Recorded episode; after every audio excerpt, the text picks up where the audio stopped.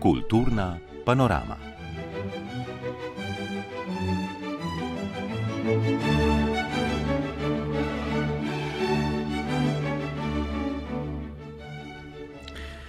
Spoštovane, cenjeni, predvsem zveste in zvesti, vabimo vas, da prisluhnete tedenskemu pregledu, na katerega vas vsako soboto popeljete v urodništvo za kulturo tega programa, programa Ars, Radia Slovenija in naše uredništvo za resno glasbo.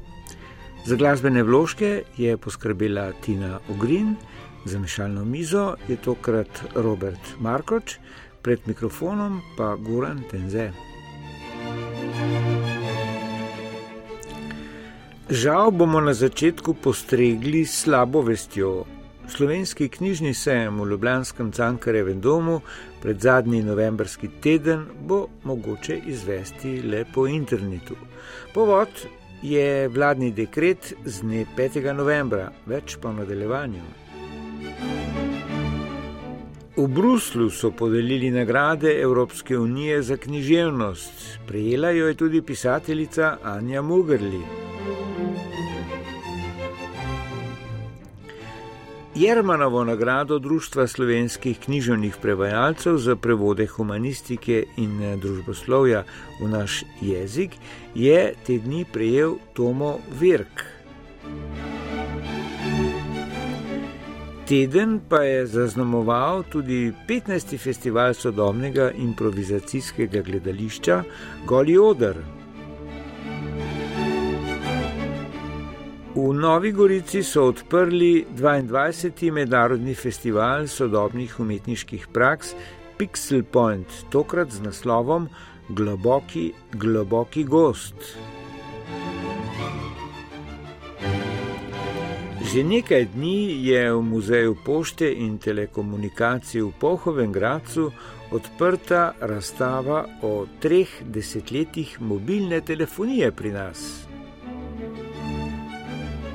opozarjamo tudi na čufarjeve dneve amaterskega gledališča, ki se jutri v nedeljo začenjajo na jesenicah.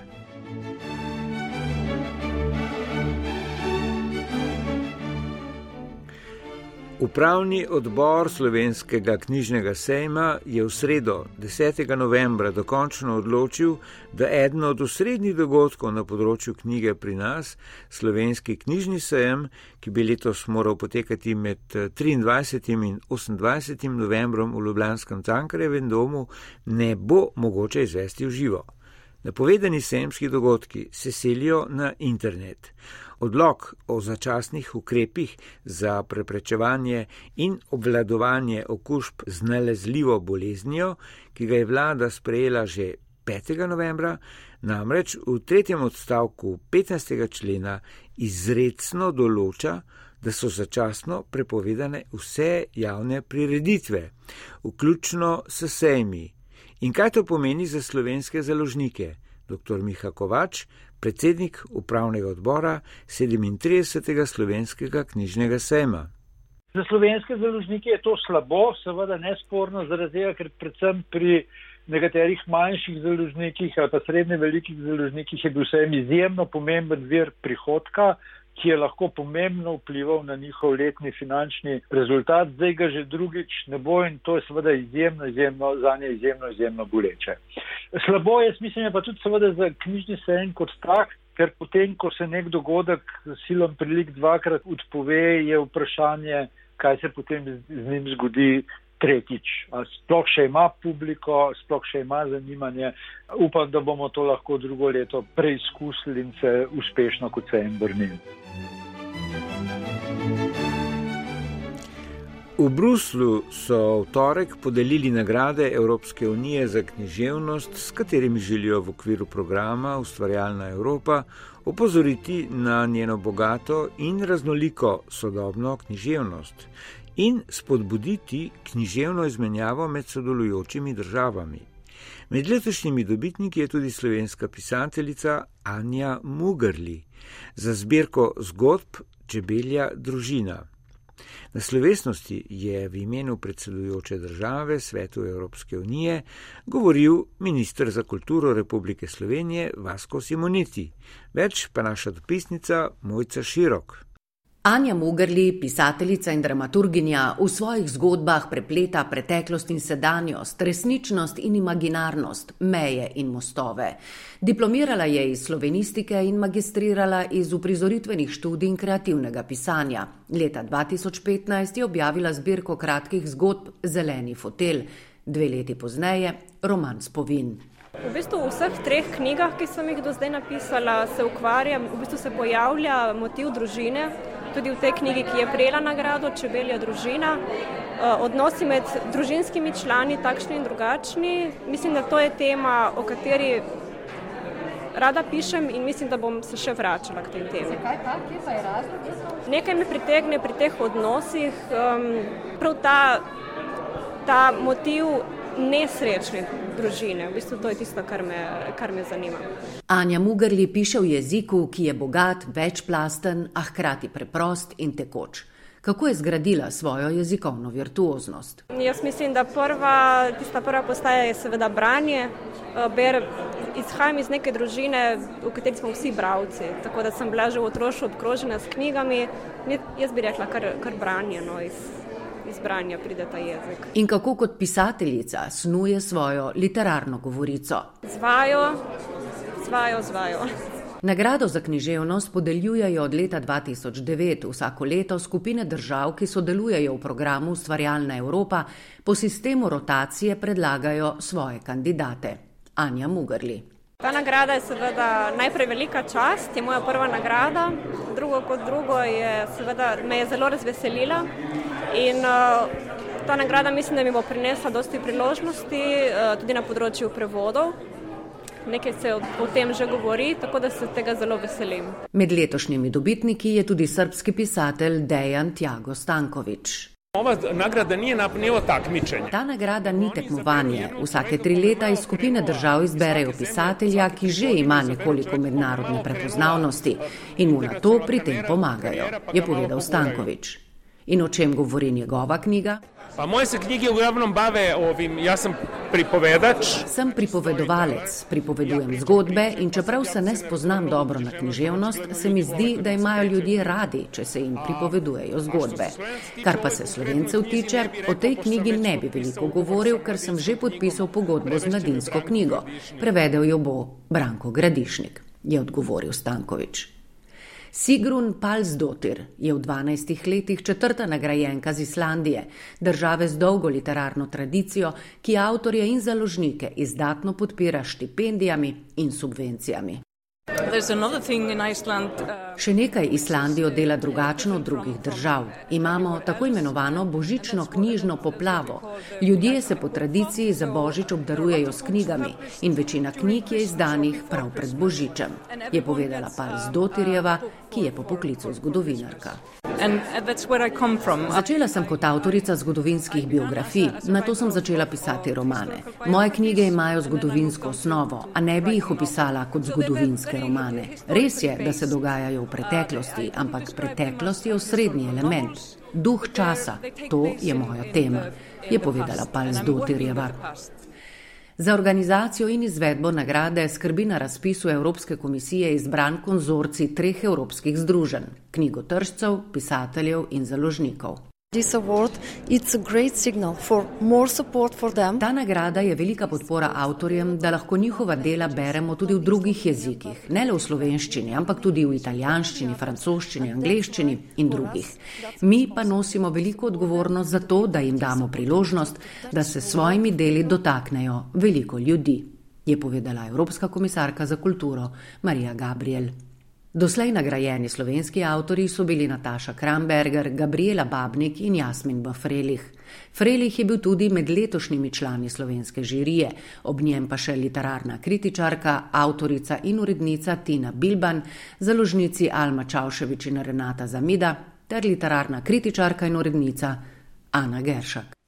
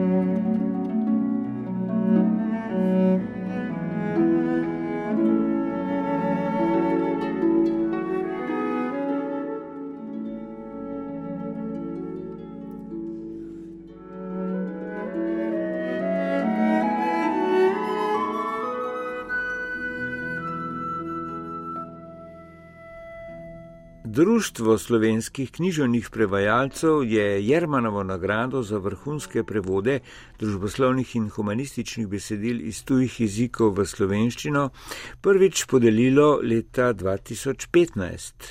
Letošnji nagrajenec je literarni zgodovinar in teoretik, esejist in urednik dr. Tomo Verk.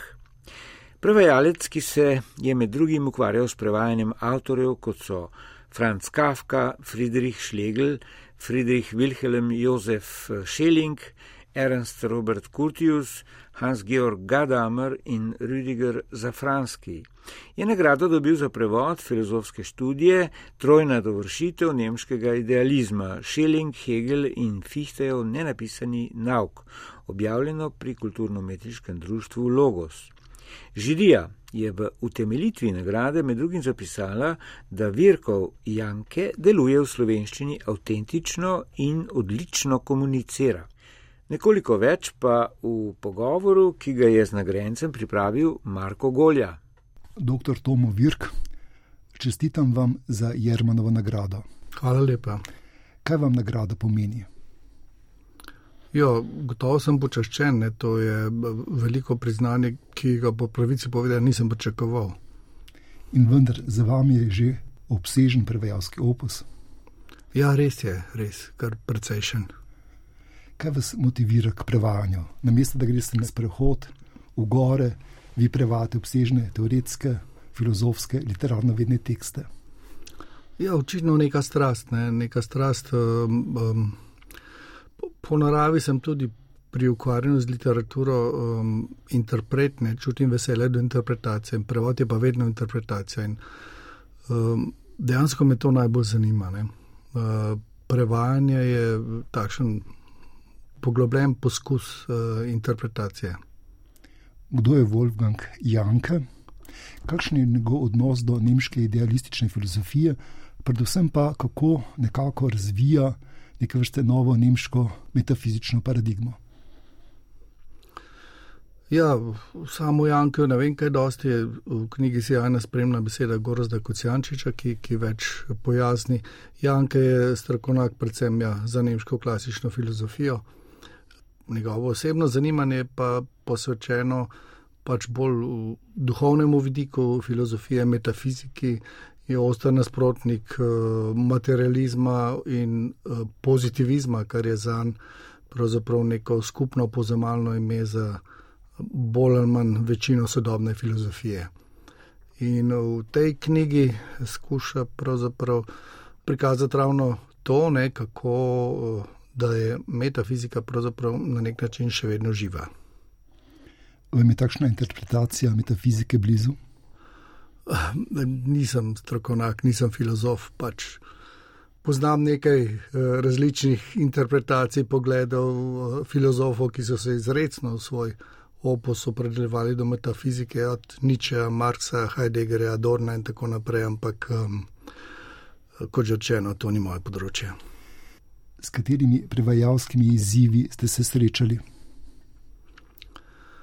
Tukaj je bilo več prevajalskih izzivov, ampak eh, gotovo bi bil največji to, da je največja teža Jankove knjige je na pozni Fichtevi filozofiji, ki pa je slabo poznana, slabo raziskana, na slovenskem pa sploh doslej, vsaj kolikor jaz vem, ni bila podrobno obravnavala. Prav v tej pozni filozofiji, ki je tudi težko razumljiva, zelo zagonetna, ne, um, Fihte, uh, Fihte postavlja eh, neko novo, zasebno filozofsko terminologijo, če lahko tako rečem.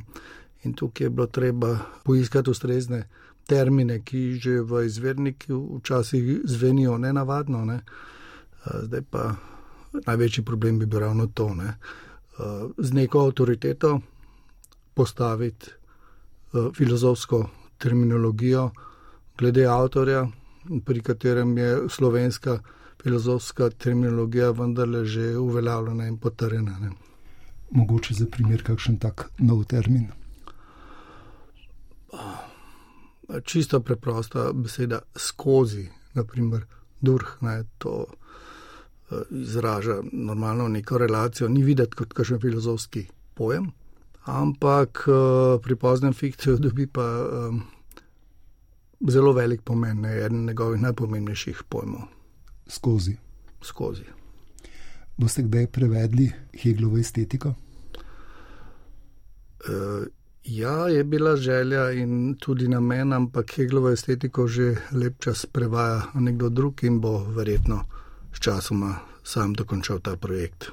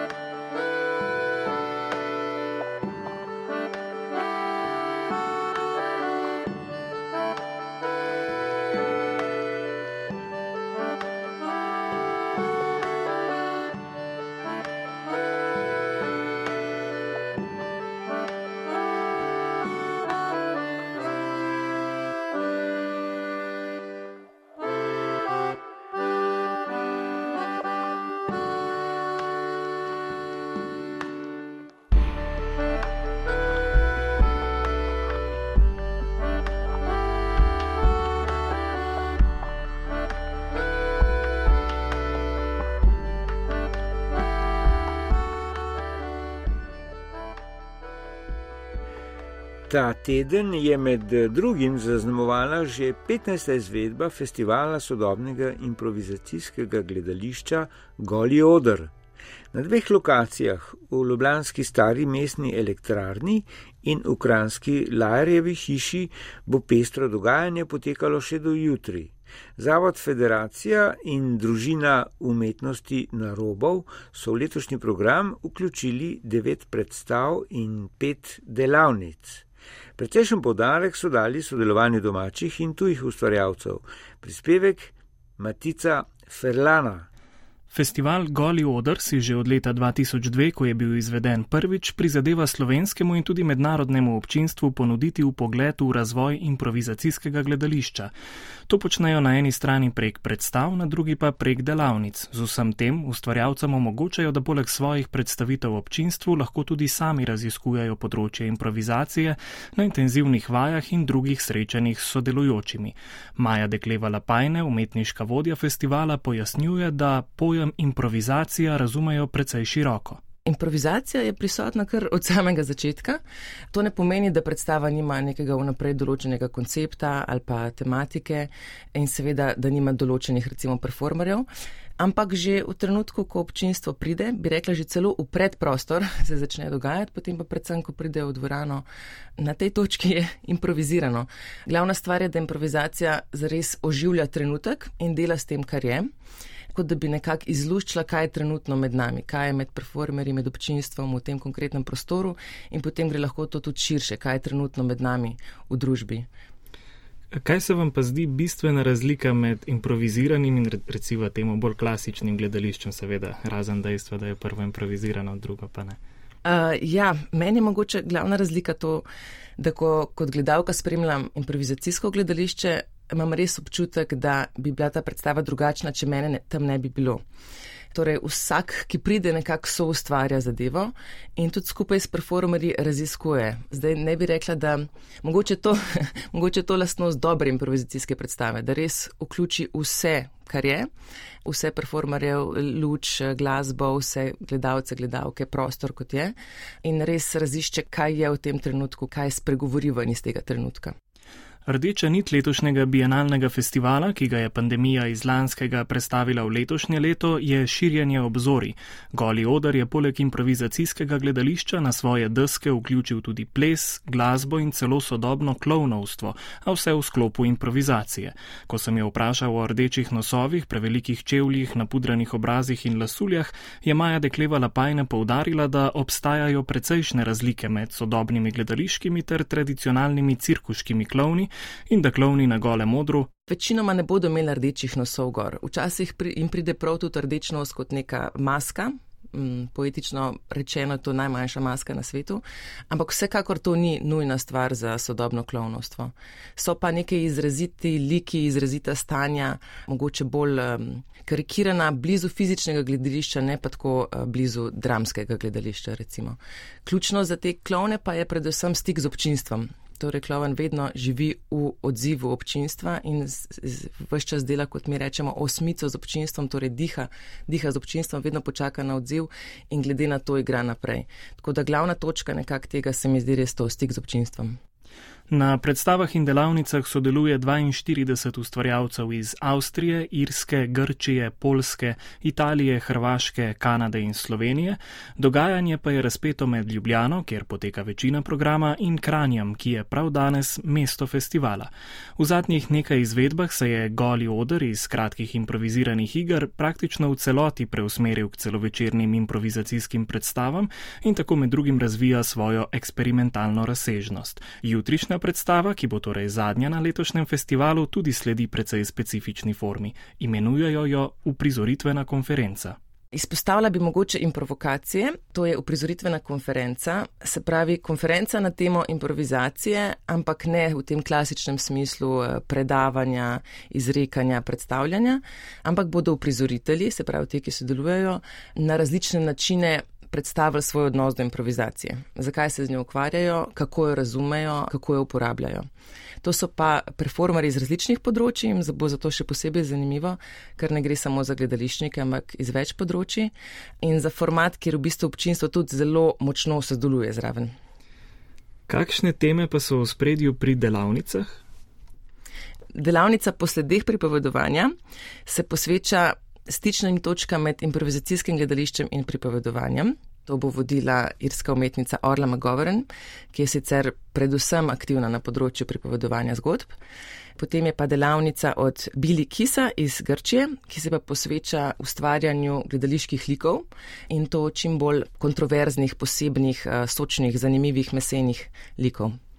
Festival Goli Oder svoje ime dobi iz dejstva, da je ustvarjalec na odru na nek način popolnoma razgaljen, saj je avtor v polnosti, je režiser, scenarist, dramaturg, poleg tega pa je ena od prvenstvenih premis festivala ravno to, kako na odru predelati svoje osebne izkušnje. Pravzaprav je v improvizacijskih principih veliko tega, kar bi se dal nekako prenesti ali pa aplicirati na druga družbena področja. Veliko delamo na eh, povezavi, veliko delamo na stiku, na vključevalnosti. Tako da to so vse neke teme, ki se mi zdi, da so zelo ključne danes. Neko glavno načelo gledališke improvizacije se imenuje ja in. Ja pomeni to, da slišiš svojega soigralca, in uh, pritrdiš njegovi ponudbi, jo zares poslušaš in ozameš, in pa da dodaš še svojo nadgradnjo tega. Tako da je ideja graditi skupaj na podlagi drug drugega, ne pa v ignoriranju drug drugega, ne poslušanju drug drugega ali pa v pasivnosti. Je aktivna drža, ampak z zavestnim poslušanjem sočloveka. Tako Maja Dekleva Lapajne, umetniška vodja golega odra festivala improvizacijskega gledališča, razmišlja o glavnem sporočilu, ki ga improvizacija lahko da današnji družbi. Nekaj tega lahko ujamete še nocoj v Lajerjevi hiši v Kranju in jutri v Ljubljanski stari mestni elektrarni.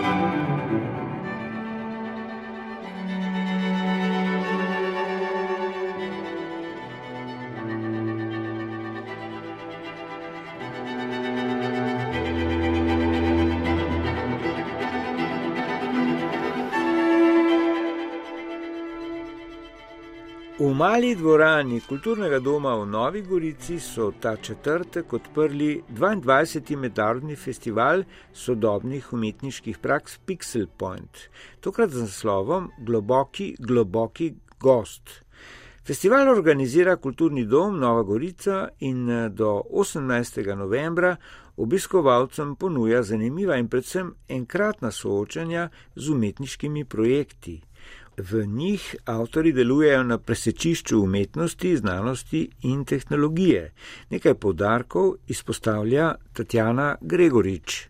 Fenomen gozda je rdeča nit letošnjega festivala Pixel Point, festivala, ki ga že drugo leto, tako kot druge kulturne prireditve, zaznamujejo koronavirus in različne omejitve. Program je zato okrnjen, osredotočen zgolj na prizorišča v Novi Gorici in tako kot lani v Novič prekinja 15-letno tradicijo festivala kot čezmejnega projekta. A kljub zapletenim časom so festival uspeli izvesti in vodja projekta Paula Jarc nam predstavlja izbor teme. Tema letošnjega festivala je Globoki, globoki gost, Deep Deep Forest, pod katerega se podpisuje kuratorica iz Ukrajine, Olena Kasperovič. Izbrala je enajst umetnikov oziroma umetniških skupin, ki prihajajo iz Slovenije, Ukrajine, Rusije in Koreje. Razstavo v mestni galeriji Nova Gorica, na kateri se predstavljajo umetniki, spremlja bogat festivalski program. Razni performansi, predavanja, delavnice in filmi. Osrednje prizorišče bo seveda mestna galerija Nova Gorica, poleg tega pa še mala dvorana kulturnega doma Nova Gorica in goriška knjižnica Franceta Belka. Tokratna edicija festivala z naslovom Globoki, globoki gost je torej povabila umetnike, da odkrijejo fenomen gozda. Razmišljanje o tem fenomenu, ki nas popelje v neznano, se nanaša na področja, na katerih doslej prireditelji še niso bili in na znanje, ki še vedno čaka, da ga razkrijejo. Z uporabo novih metod in pristopov naj bi tako festival načel tudi pomembna vprašanja, ki zadevajo ekološko problematiko, družbeno in osebno odgovornost ter vse splošno angažiranost na svetovni ravni. O izboru teme Olena Kasperovič, sicer kustosinja v Harkovu v Ukrajini, ki kot raziskovalka pri svojem delu raziskuje teme, kot so dojemanje osebne in nacionalne identitete ter migracije rastlin v kulturnih kontekstih. I chose this topic because uh, for me it's interesting to explore To temo sem izbrala, ker sem želela, da bi umetniki raziskali odnos med človekom in naravo in ob tem simbolne podobe gozda. Pri tem sem izhajala tudi iz prepričanja filozofa Eriha Froma. Poglobila sem se v njegovo dilemo imeti ali biti, ki se tu razkrije z vidika soobstoja koncepta lastništva in divje, nedotaknjene narave. Vprašanje prisvajanja narave je namreč prisotno na vseh področjih našega življenja, od gradnje velemest do sajenja cvetlic v cvetlične lončke na okenski polici. Skratka, umetnike sem povabila k odkrivanju gozdnega fenomena kot manifestacije globine, nevarnosti, intimnosti, neznanega divjine, obrobnosti, prehoda, inicijacije, zonanjosti, miru, harmonije, neprehodnosti, neprebojnosti In the nature, or how we can perform a different approach, like being part of nature. Projekcija naravoslovnega dokumentarnega filma Divja Slovenija, performance Duh dreves, predavanje na temo, kakšno prihodnost si predstavljamo z roboti, delavnica strojnega učenja za kreativce in seveda razstava enajstih umetnikov in umetniških skupin v mestni galeriji Nova Gorica oblikujejo program Novogoriškega festivala Pixel Point, v katerem Olena Kasperovič izpostavlja štiri projekte. So Darina Fes, she has, uh, she presents the work uh, of experience. Darina Fes, umetnica iz Ukrajine z instalacijo Krogle, predstavlja pot junaka. V bistvu je to delo VR izkušnje. Ponuja nam izkušnjo virtualne resničnosti, kjer z VR očali potuješ po različnih okoljih in pokrajinah in se pred tabo odpirajo krogle. Odvisno je od tega, kam pogledaš, kaj ti odpirajo se ti različne krogle in v njih lahko stopiš v drugo pokrajino. So it's like traveling, but in VR. Uh, the other work that I mentioned was uh, Gu Ji-young, is an artist from uh, Korea. Uh, he creates the video art uh, and still images that Korejski umetnik Gu Jong predstavlja video instalacijo in podobe, kjer uporablja umetne barve in oblike, ki pa delujejo kot naravne. V resnici so digitalne. Tako ustvarja podobe, izkušnjo globokega gozda, v katerem občutiš tesnobo. An image that will uh, make you feel in a very tense environment, like in a tense uh, forest. The next uh, artist uh, is uh, Lavoslava Benčić, and uh, she presents here her video and uh, sound installation. Lavoslava Benčič iz Slovenije je pripravila videozvočno instalacijo, ki je tudi interaktivna. Obiskovalec se dotika instalacije z mahom in mah pri tem ustvarja zvok. Tako na nek način obiskovalec ustvarja glasbo z rastlinami. Hkrati je predstavljena tudi videoinstalacija z rastlinami, ki so dejansko hibridi ustvarjeni digitalno. It's like a hybrid that were generated from the program. And uh, Brida has also interactive um, installation where They are talking about the possibility if it's possible for plants to travel and to move in the space. Goriška skupina Brida pa razstavlja interaktivno instalacijo, v kateri se sprašujejo, ali lahko rastline potujejo, se premikajo po prostoru. Naslov projekta je Plant Portation in obiskovalec doživlja oziroma vidi prostor, kot bi bil v gledalu, vendar ob tem ne vidi sebe, ampak rastlino you will see how it works and it's, uh, it's very interesting experience. Festival Pixel Point svojim programom že vsa leta poskrbi tudi za najmlajše. Tokrat s projekcijo animiranega filma Zverinice iz gozda Hoki Poki, Pavla Jarc. Se tudi začetki festivala so bili takšni, da smo poskušali predvsem mlade generacije osveščati, kaj vse se lahko počne s to sodobno tehnologijo, da recimo računalniki niso samo zgolj za igranje igric, ampak ponujajo še marsikaj več, torej s pomočjo njih nastajajo veliki umetniški projekti, tako da vedno uh, veliko pozornost namenjamo uh, tudi mladim generacijam. Poleg tega pa tudi uh, vsakeč organiziramo tudi javna vodstva po festivalski razstavi, prav z namenom, da te sodobne umetniške prakse, to intermedijsko umetnost približujemo širši javnosti.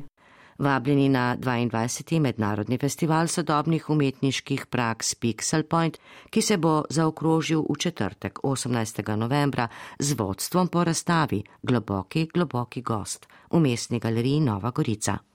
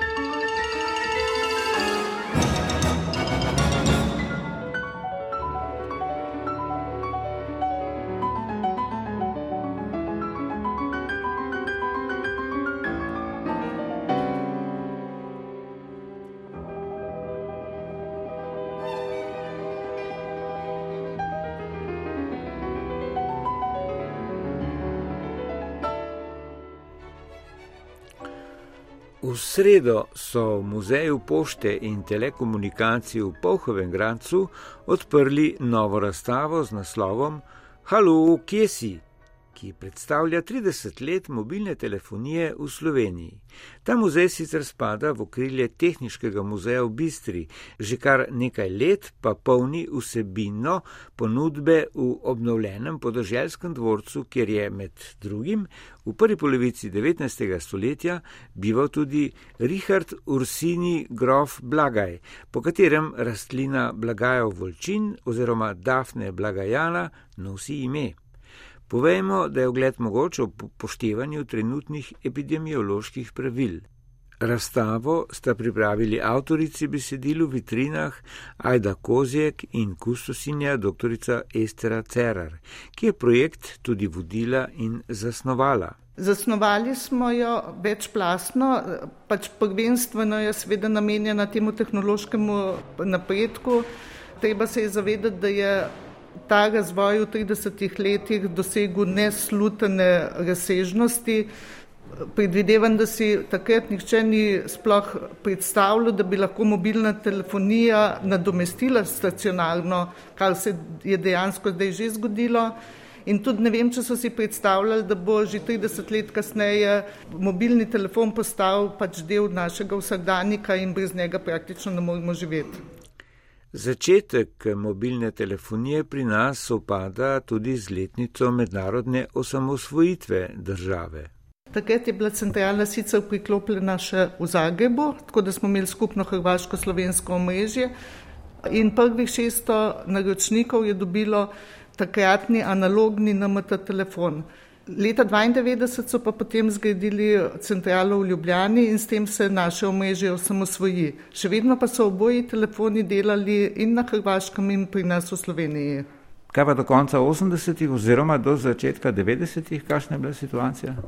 V drugi polovici 80-ih let eh, so, se je takratna jugoslovanska eh, PTT organizacija odločila, da tudi v Jugoslaviji začnemo z eh, NMT sistemom. Ne. Prevzeli so skandinavski sistem analogne mobilne telefonije in se odločili za izgradnjo.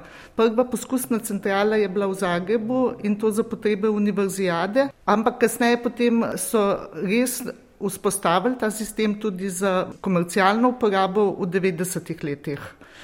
Se zato smo imeli tudi skupno centralo na začetku, potem po ločitvi držav, eh, pa pride potem tudi do ločitve omrežij. Ampak še vedno je vsaj pri nas do konca 90-ih obstajal skandinavski, tako imenovani NMT, model analogne mobilne telefonije ki ga je takrat začel zamenjevati sistem GSM, tako imenovani Global Systems for Mobile Communications. Zadnji hit, kot ni neznano, je tehnologija 5G. Razstavo Halo, kje si v Pohovem Grancu so postavili v eno od soban v prvem nadstropju muzeja. Doktorica Cerar vsebino vitrin povzame takole. Prvi mobilni telefoni NMT sistema, ne analognega, so predstavljeni, pač to so bili v glavnem za ugradnjo v avto. Predstavljamo tudi edini slovenski proizvod Wanderer od Iske, Iske Telemobil, takrat ga je razvila in so ga predali v nekaj sto, mislim, da do tisoč iz, uh, primerkov je bilo narejenih, potem je pa seveda pa razvoj povozu Iske oziroma ni šlo v te smeri. Potem predstavljamo GSM tehnologijo, to je potem digitalni način. GSM tehnologija je pa tista, ki je potem omogočala pošiljanje kratkih sporočil, MMS-ov, telefonsko tajnico si lahko imel, predal. Takrat eh, se tudi začne velik razmah mobilne telefonije. Telefonija se poceni in postane dostopna vsem. V zadnji fazi pa predstavljamo eh, razvoj pametnih telefonov, s katerimi pa živimo danes in to tehnologijo. Seveda na tem mestu naštevanje to vrstne tehnične dediščine ne bi bilo na mestu. Poslušajmo pa raje, kaj doktorica Estera Cerar misli o dediščinskem pomenu po večini ne več uporabnih telefonov, ki ne nazadnje nekateri ne štejejo več kot desetletje. Mi se trudimo pač predstaviti prvenstveno slovensko dediščino oziroma ki je plot domačega znanja. ampak ker to vedno ni mogoče, seveda, sploh pri mobilni telefoniji, zdaj vemo, da praktično ni evropskega proizvajalca mobilnih telefonov več. Predstavljamo najbolj uporabljene proizvode oziroma predmete, ki so zelo značilni tudi za naše področje, ki so bili v širši uporabi na ta način. Ne. Trudimo se pa tudi, da predstavimo znanstvenike, ki mogoče so pa v tujini nekaj dosegali oziroma njihov razvoj ga tudi pri nas predstavimo potem. Ne? Čeprav to ni slovenski, mislim, v narekovajih slovenski proizvod, ampak je pa plod slovenskega znanja. Razstava v muzeju pošte in telekomunikacij v Pohom Gracu bo odprta do konca prihodnega leta, za zdaj pa je dostopna ob upoštevanju trenutnih epidemioloških pravil.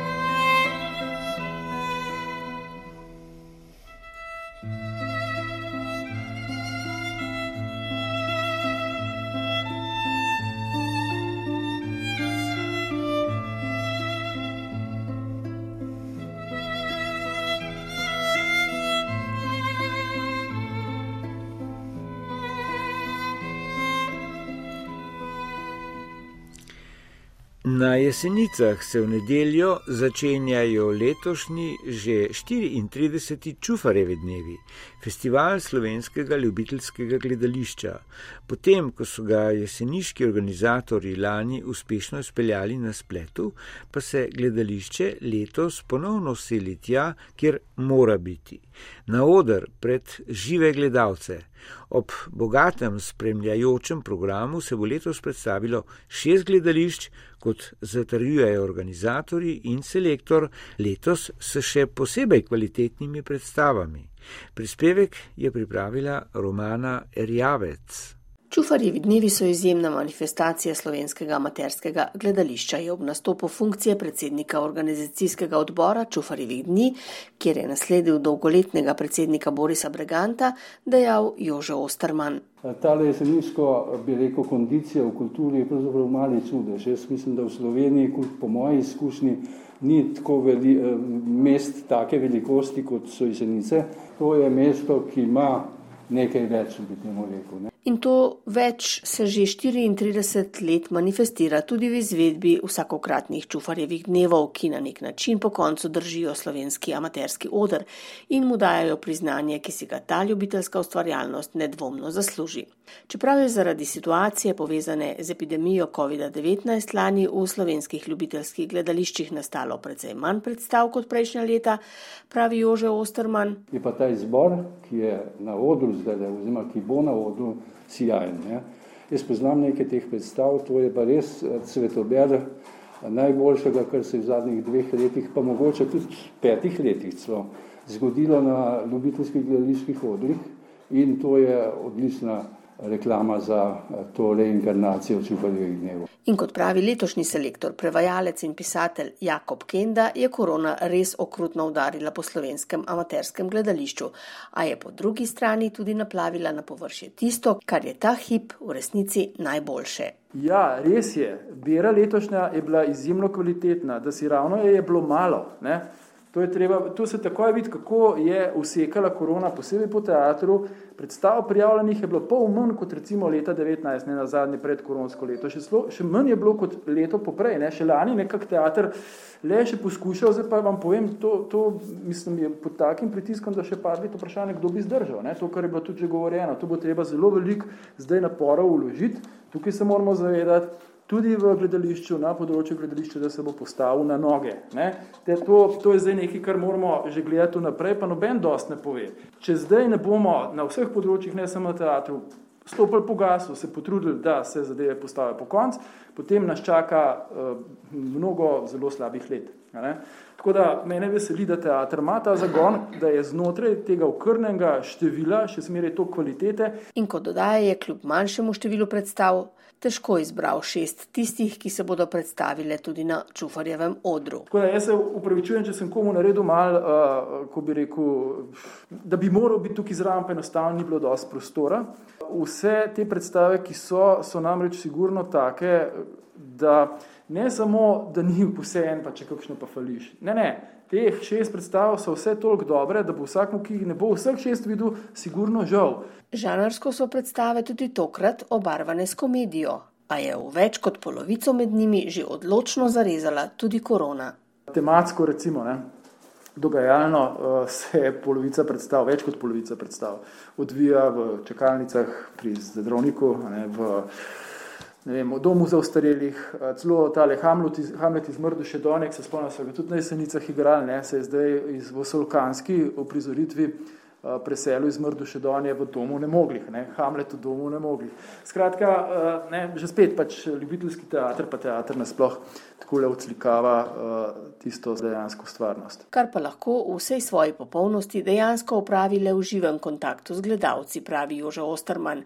Zato je letos že pred festivalom padla odločitev, da bo festival izpeljan v živo ali pa ga v tem terminu sploh ne bo. Zato bi ga, če bi bile okoliščine pač takšne raje predstavili in v prihodnem letu morda celo izvedli dva, kot pa ga selili na splet. Čeprav so digitalne izkušnje obstajajo in so sorazmerno solidne, saj kar se tiče tehnične izvedbe, je vendarle stik z gledalci eh, tisti teater oziroma tisto gledališče, ki je veljavno. Ne.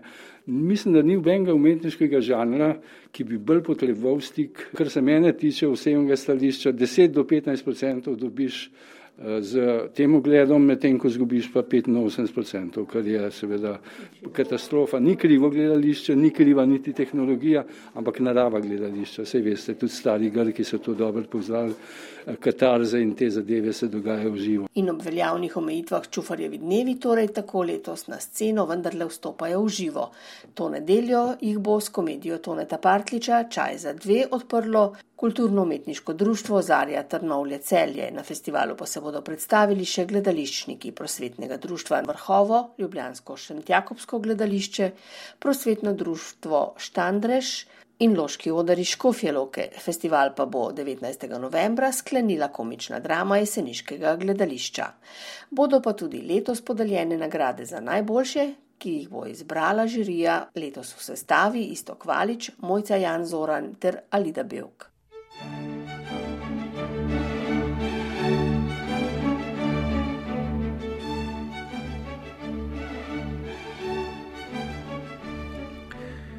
Toliko torej za ta teden v oddaji, v kateri smo sodelovali Mojca Širok, Marko Golja, Matic Frlan, Tatjana Gregorič, Romana Rjavec in Gregor Podlogar. Za glasbo je poskrbela Tina Ogrin, za zvok pa Robert Markoč. Urednica uredništva za kulturo je Maja Žvokl, oddajo pa sem uredil, pripravil in povezoval Goran Tenze. Kmalo bo vse v naših internetnih arhivih, od 4D v novem 365 pa do podkastov in ne nazadnje naša stran ars.rtvslo.com pika si.